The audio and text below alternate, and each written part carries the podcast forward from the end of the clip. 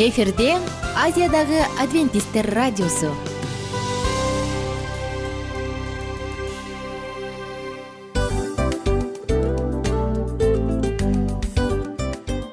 Достор салют. Баардык сүйүктүү угармандарыбызга салам айтабыз. Кутман күнүңүздөр менен.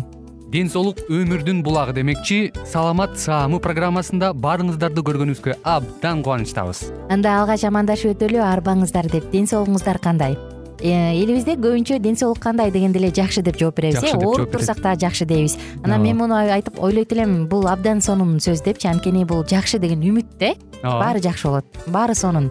Деп үмүттөнүп атып эле өзүбүздү өзүбүз дарылап коебуз. Анысы кандай? Сиздин дагы ден соолугуңуз жакшы беш деген үмүттөбүз чындыгында ден соолук бул өмүрдүн булагы деп бекеринен айтылган эмес деп ойлойм. Кыргыз элинде анткени эгерде ден соолук жок болсо анда адамдын жашоосунда калган баардык керектүү маңыздуу нерселер өзүнүн баалуулугун жоготуп коет. Ошондуктан ден соолук бул эң керектүү нерсе. Ооба туура айтасың кесиптешим. Чынында ден соолугуң жок бир эки үч күн ооруп калсаң эле э кандай болуп калат? Жашоодо көз каранды болуп каласың көп нерсеге жетишпей каласың көп нерсени кыла албай каласың жада калса эшикке дүкөнгө да чыга албай каласың. Туптуура анан ден соолук болсо демек биз биздин бактыбыз тоодой деп койсок болот. Анда достор саламат саамы рубрикабызды баштайлы. Алдыда өзүңүзгө керектүү болгон сонун кеңештерди уга аласыздар. Мына ошондуктан биз менен бирге болуңуздар. Ал эми биз болсо милан жана айнура. Кеттик алга. Алга саламат саама ден соолуктун жарчысы. Саламат саама ден соолуктун ачкычы. Күн сайын сиз үчүн мыкты кеңештер сонун жаңылыктар кызыктуу фактылар биздин рубрикада.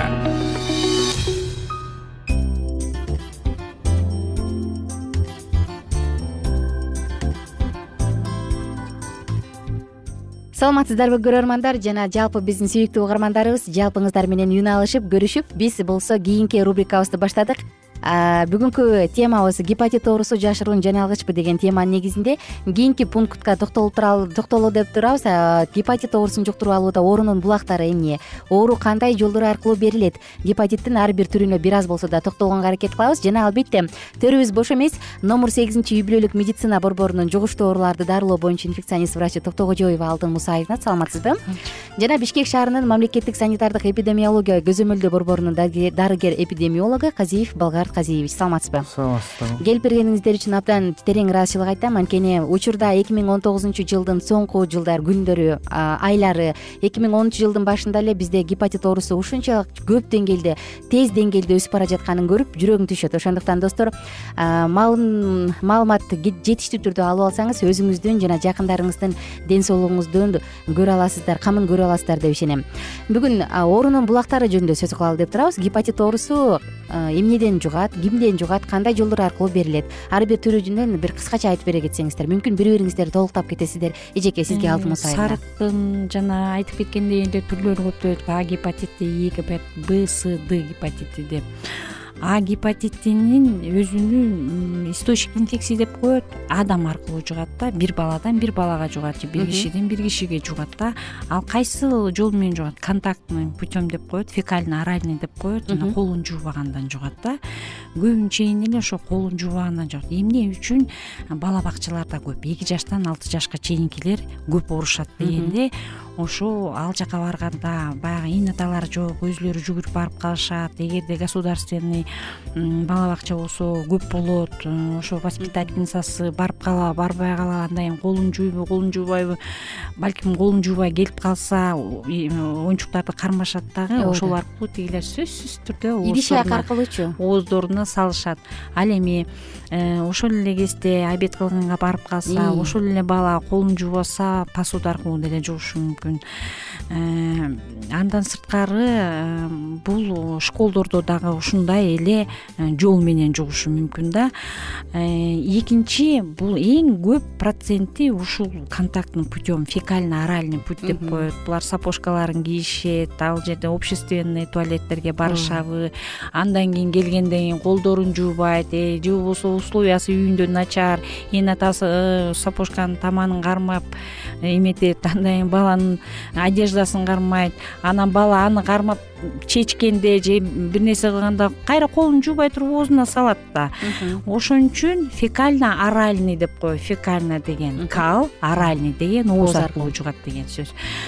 Булдан экинчи орунда турат суу аркылуу жугат вот сууну эгерде жакшы жана айтып кетти балгар казиевич кайнатылган суу ичиш керек деп. Кээ жерлерде региондордун алыс жактарында ошо сууну арыктан да алат ошолордо көп э, жууп калышы мүмкүн. Бизде болсо э, суу менен жуккан шаар ичинде почти жок эсептесек болот себеби дегенде контролировать этип турушат да. Анан через овощи фрукты аны дагы жуубай жешет базардан алып эле сразу жей калышат. Ал сөзсүз түрдө жанагы аны өстүрөөрдүн алдында канча эмелерди э, эметишет дагы анан собирать жыйнап алганда дагы жуубайт да ошол боюнча сатылганда эгерде жуубай жесе ошол аркылуу дагы жугат. Хотя бул аз эле процент болсо дагы а гепатити ушундай аркылуу жугат коркунучтуу жолдор э? боорду боорго залакат келтирет да.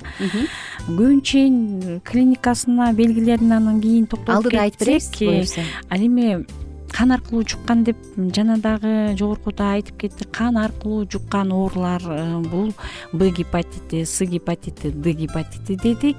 Бул кан эле аркылуу жукпайт да бул половым путем деп коет. Ошондой да жугушу мүмкүн.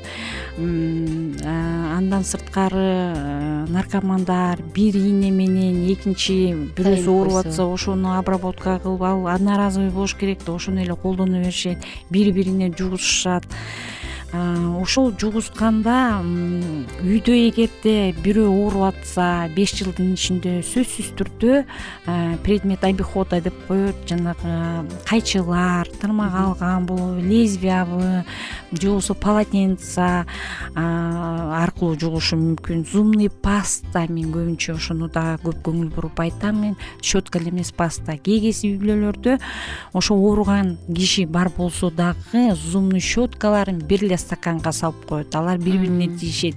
Бул кичинекей эле мелчайший эле бир частицасы түшүп калса анан ал щетка менен тишин кан чыгарганча жууса мына ошондон да жууп калат. Же болбосо ошол эле раковинанын эмесин басып токтотот да. Ал жер обработкадан өтпөйт да аны бир саат эки саатка кайнатпайт да. Стоматологияда инструменттерин кайнаткандай. Анан ошол боюнча эле жаап коет бирөөсү келет а колдун э, эмесинде дагы көбүнчө травма болгон болот дагы анан ошол аркылуу жугушу мүмкүн. Же болбосо бул вирус дагы влажныйды аябай жакшы көрөт да полотенце эгерде влажный болсо аябай жакшы эң жакшы полотенцага арчынгысы келет любойу анан ошону арчынганда да жууп калышы мүмкүн. Эгерде өзүнүн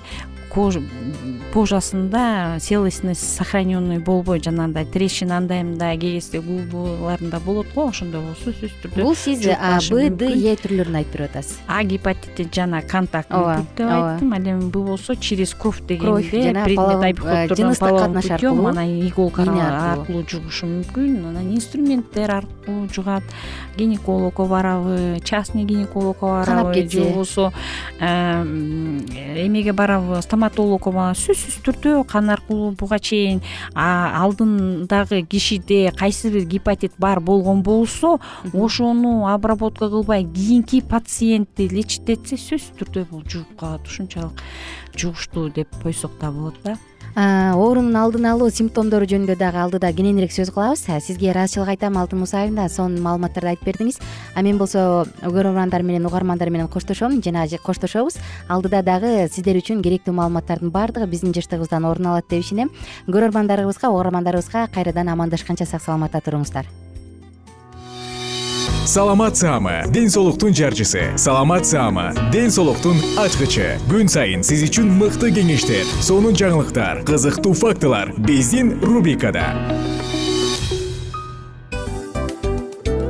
Салют замандаштар баарыңыздарга ысык салам.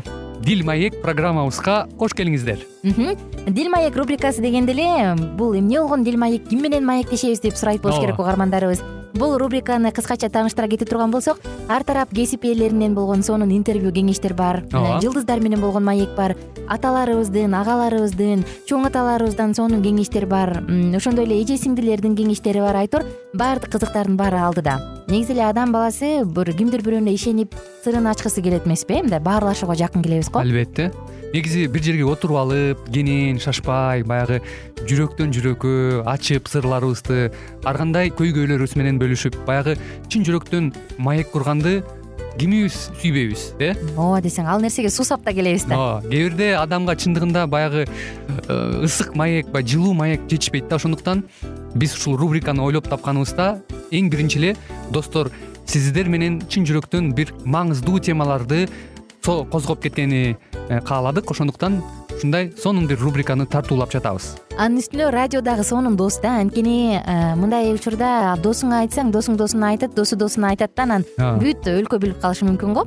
А радио болсо сени сатпаган сенин айыбыңды ачпаган сенин сырыңды эч кимге айтпаган сонун дос. Мына ошондуктан биздин алдыдагы айта турган кеңештерибизди биздин досторубуздун кеңештерин угуп анан ал жака пикириңизди дагы калтырып кайрадан биз менен байланышсаңыздар болот. Деги эле жашооңузга эгерде кичине болсо дагы өзгөрүү алып моралдык жактан нравовик жактан сонун бир кеңештерди алсаңыз демек биз максатыбызга жеттик. Ооба. Чыңгыз атабыз улуу жазуучу э, чыңгыз айтматов айткандай адам болуу бул күнүмдүк процесс экен. Күн сайын адам бойдон калуу бул адамзатка эң эле кыйын дейт э? э эң кыйын дейт. Чындыгында бунун негизинде адамдын эң баягы сапаттуулугу адамдын э, адамгерчилиги жана көптөгөн керектүү нерселер. Мына ошол темалар дагы бизде э, ушул дил маекте биз аларды да козгойбуз. Ден соолук жөнүндө да сүйлөшөбүз. Сөзсүз түрдө. Анан милан мырза негизи айтып коюшат го. Биз көбүнчө эмнени ойлонсок ошол нерсеге карата иш кылабыз го. Ооба. Анан анысы кандай балким бул радио баракчада кимдир бирөөнүн оюн текшергенге жардам берет кимдир бирөөнүн жүрөгүн текшергенге жардам берет. Балким кимдир бирөөгө жашоонун маңызын тапканга жардам берер. Айтор кызыктын баары алдыда бул жөн гана кыскача жарнама анда угармандарыбыздын баардыгын кийинки рубрикабызга чакырабыз. Ал эми кызматта маңдайымда отурган кесиптешим милан жана мен айнура. Анда эмесе биз даярдаган терең терең ойлор менен таанышууга кеттик. Алыс алыс баралык анда эмесе достор биз менен бирге болуңуздар. Алдыда эң кызыктуу маалыматтардын баардыгы бир нече мүнөттөр бою жалгыз гана сизге арналат мына ошондуктан жакшы маанай менен угууну каалайбыз. Үн алышканча. Жөнөдүк. Ар түрдүү ардактуу кесип ээлеринен алтын сөздөр жүрөк ачышкан сыр чачышкан сонун маек дил маек рубрикасында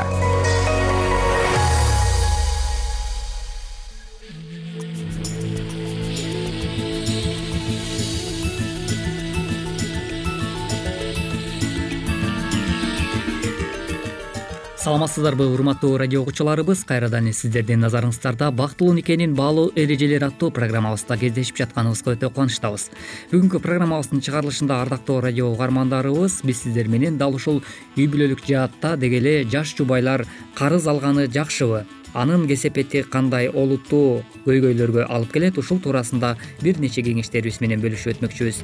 Анда эмесе адаттагыдай эле кызматыңыздарда кайрадан микрофондо аты жөнүм мен улан кубанычбеков жана ошондой эле менин кесиптешим. Саламатсыңарбы жана мен асель мамбетова.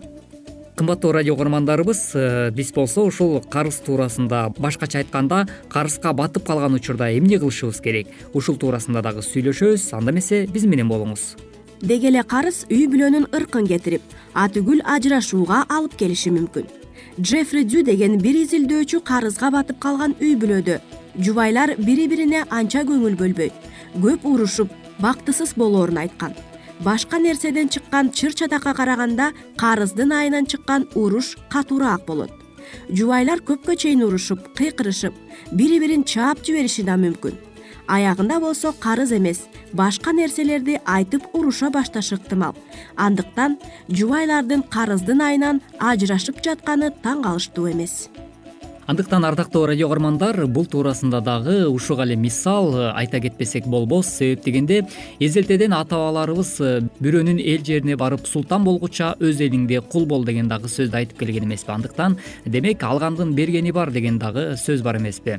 Ушул нерселерди эске алуу менен биргеликте жана ошондой эле сүйүктүү ата энелер сөзсүз түрдө жашоодо карызга батып калгандан э, оолак эле болгонубуз абдан маанилүү болуп саналат экен андан сырткары көп карыз болуу ден соолукка да зыян келтирет.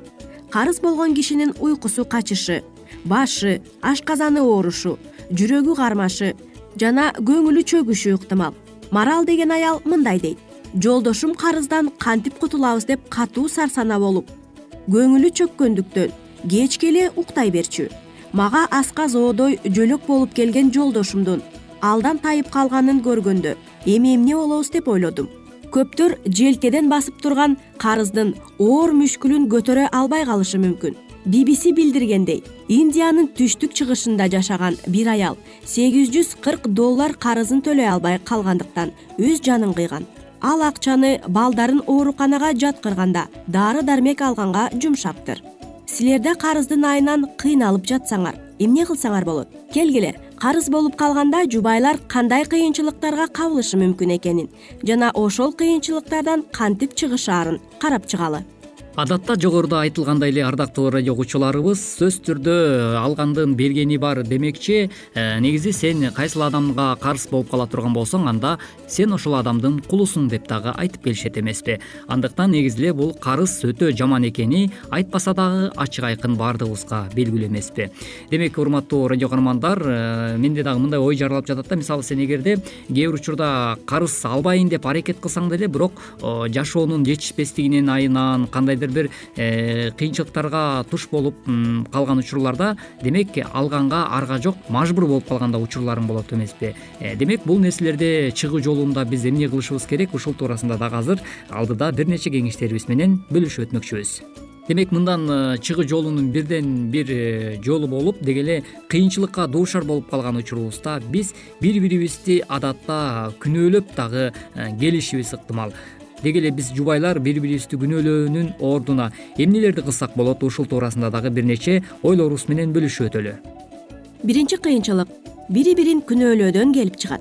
Жубайымды акчаны ой келди корото бересиң деп күнөөлөй берчүмүн деп улар ачык айтат. Аялым сен туруктуу бир жумушка иштеп көбүрөөк акча тапсаң минтип карыз болмок эмеспиз деп наалый берчү.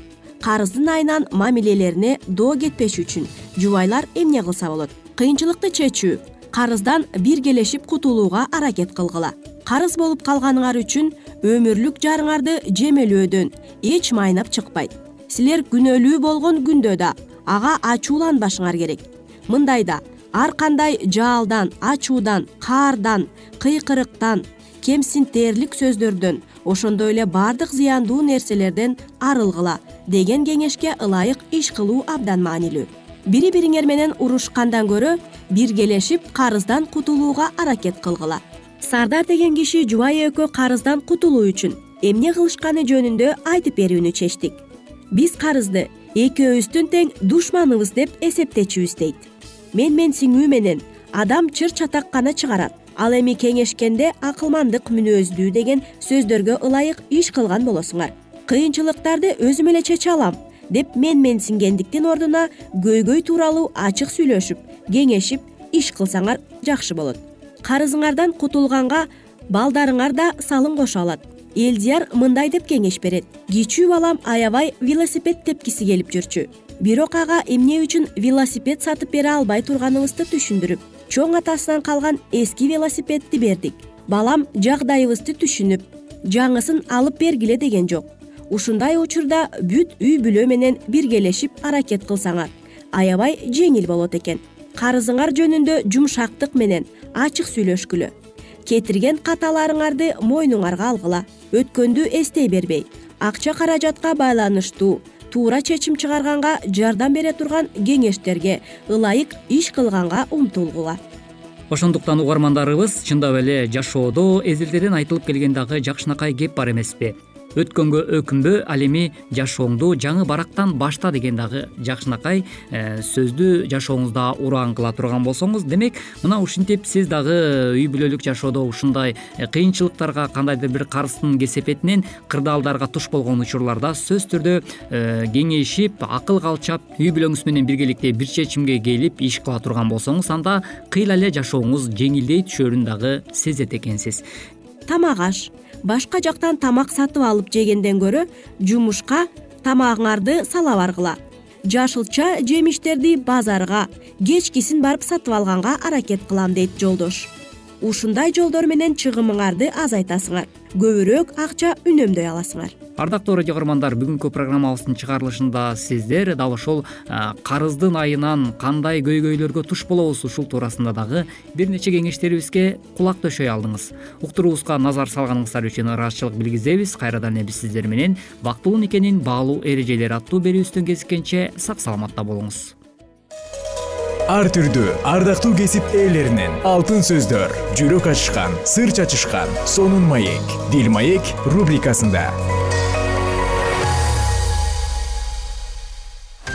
Жан дүйнөңдү байыткан жүрөгүңдү азыктанткан жашооңо маңыз тартуулаган жан азык рубрикасы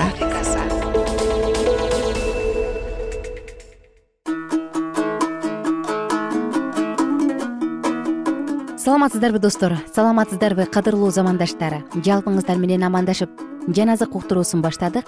Жана бүгүн сиздер менен убада кылынгандай эле? Забур китебин окууну андан ары улантабыз. Жетимиш тогузунчу забур. Ырчылар тобунун башчысына. Шушани медут күү аспабы менен асаптын забуру. Ысрайылдын кайтаруучусу кулак сал. Жусупту койдой кайтарып жүргөн керуптардын үстүндө отурган өзүңдү көрсөт эпрайымдын бенжеминдин жана минашенин алдында өз күчүңдү көрсөт бизди куткарууга кел. Кудай бизди кайра калыбыбызга келтир. Сенин жүзүң жаркырасын ошондо биз куткарылабыз. Теңир сибайот кудай качанга чейин өз элиңдин сыйынууларына каардана бересиң? Сен аларды нандын ордуна көз жашка тойгуздуң аларды көп өлчөмдөгү көз жашка тойгуздуң. Сен бизди кошуналарыбызга сөз кылып койдуң бизди душмандарыбыз кордоп жатышат. Сибайот кудай бизди кайра калыбыбызга келтир. Сенин жүзүң жаркырасын ошондо биз куткарылабыз. Мисирден жүзүм сабагын көчүрүп келдиң. Элдерди кууп чыгып аны отургуздуң. Жүзүм үчүн орун тазалап анын тамырларын бек орноттуң ал бүт жерге жайылды. Тоолор анын көлөкөсүндө калды. Анын бутактары кудайдын кедр жыгачында жайылды жүзүм өзүнүн бутактарын деңизге чейин жайды жаш бутактары дарыяга чейин жетти. Эмне үчүн сен анын дубалдарын ураттың? Жолдо өтүп бара жаткандардын баары жүзүмдөн үзүп жатышат. Токойдогу камандар түбүн казып талаадагы жырткычтар талап жеп жатышат.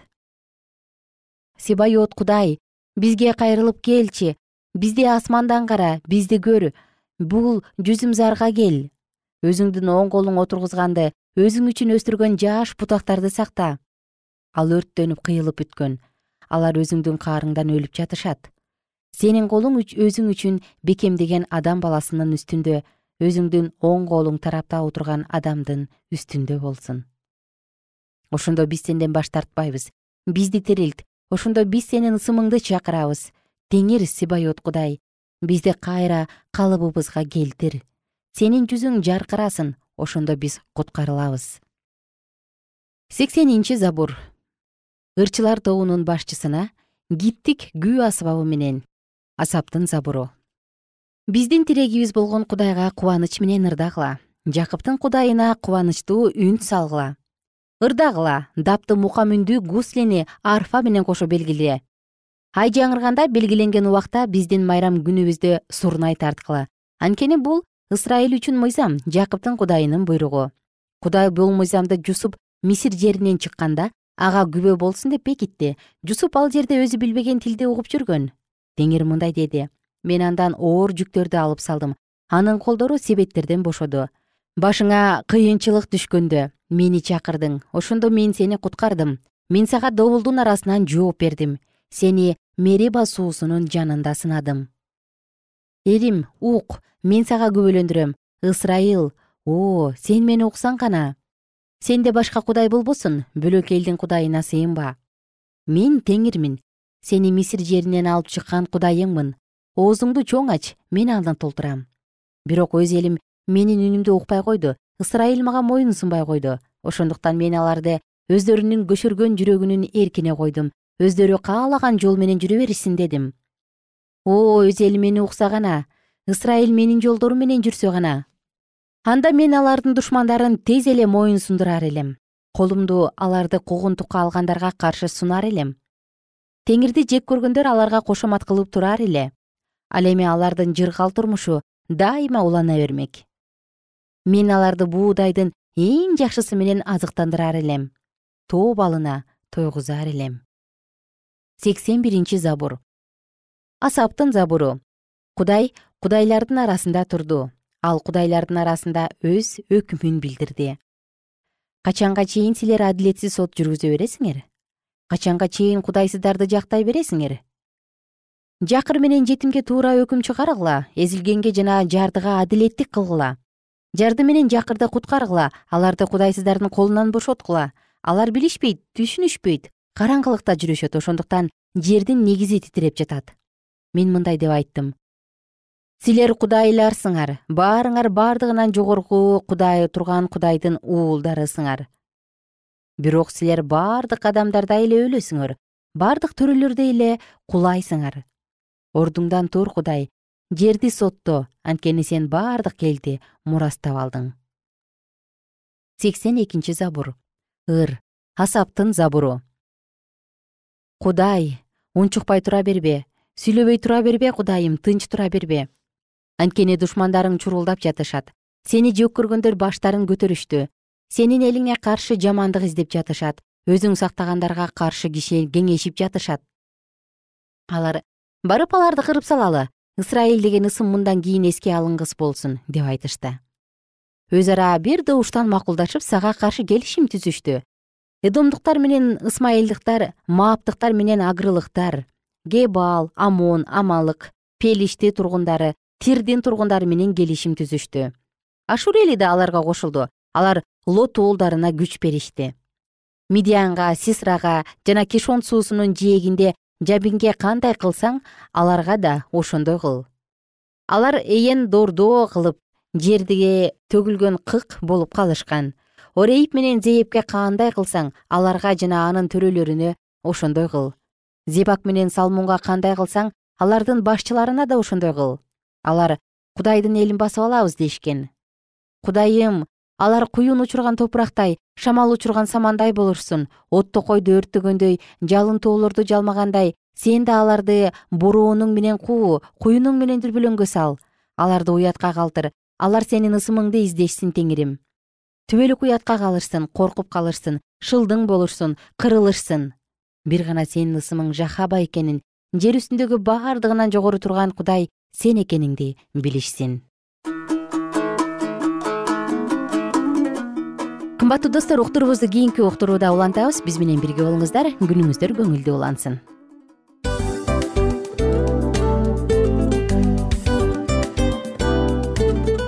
достор биздин радио баракчаларыбыз соңуна келди. Демек бул программабызды дагы жыйынтыктачу учур келдик. Учурга келдик. Анан кесиптешимден сурагым келип турат. Негизи эле иштин башталып атканы кубандырабы сени же жыйынтыгы кубандырабы? Албетте жыйынтыгы. Себеп дегенде сен кылган ишиңдин жыйынтыгын көрүп э, баягы мөмөсүн көрүп дегендей жыргайсың жүрөгүң жемишинен тартып э? Кандай даамдуу деп. Баягы буудай сепкенде эмес буудайдын эгинди жыйнагандан кийин ысык нанды жегенде кадимкидей ырахаттанасың го? Ой айтпа туура айта кеттиң сонун салыштыруу болду анан мен дагы абдан кубанып турам. Анткени биз угармандарыбыз үчүн аябай эмгектенип келген уктуруубуздун соңуна келип калдык. Анан эми э, уктуруубуздун соңунда угармандар кандай пайда алып калды экен деп күтүп турам да. Балким э, менин жашоомо өзгөрүү киргизе турган сонун сөздөр болду. Мен ушул нерсени изилдеп анан кабыл албасам ушул нерсени кылбасам деген чечим чыгарсаңыз анда биз абдан кубанычтабыз. Сөзсүз түрдө андыктан кийинки биздин кызыктуу уктурууларыбыздан көрүшкөнчө сак саламатта калыңыздар. Чыдамсыздык менен сиздерди мен милан жана кесиптешим айнура күтөбүз. Баардык угармандарыбызга ийгиликтүү күн каалайбыз. Качан гана болбосун уртуңуздан жылмаюу кетпесин үйүңүздө көмүр жүрөгүңүздө көңүл болсун дейли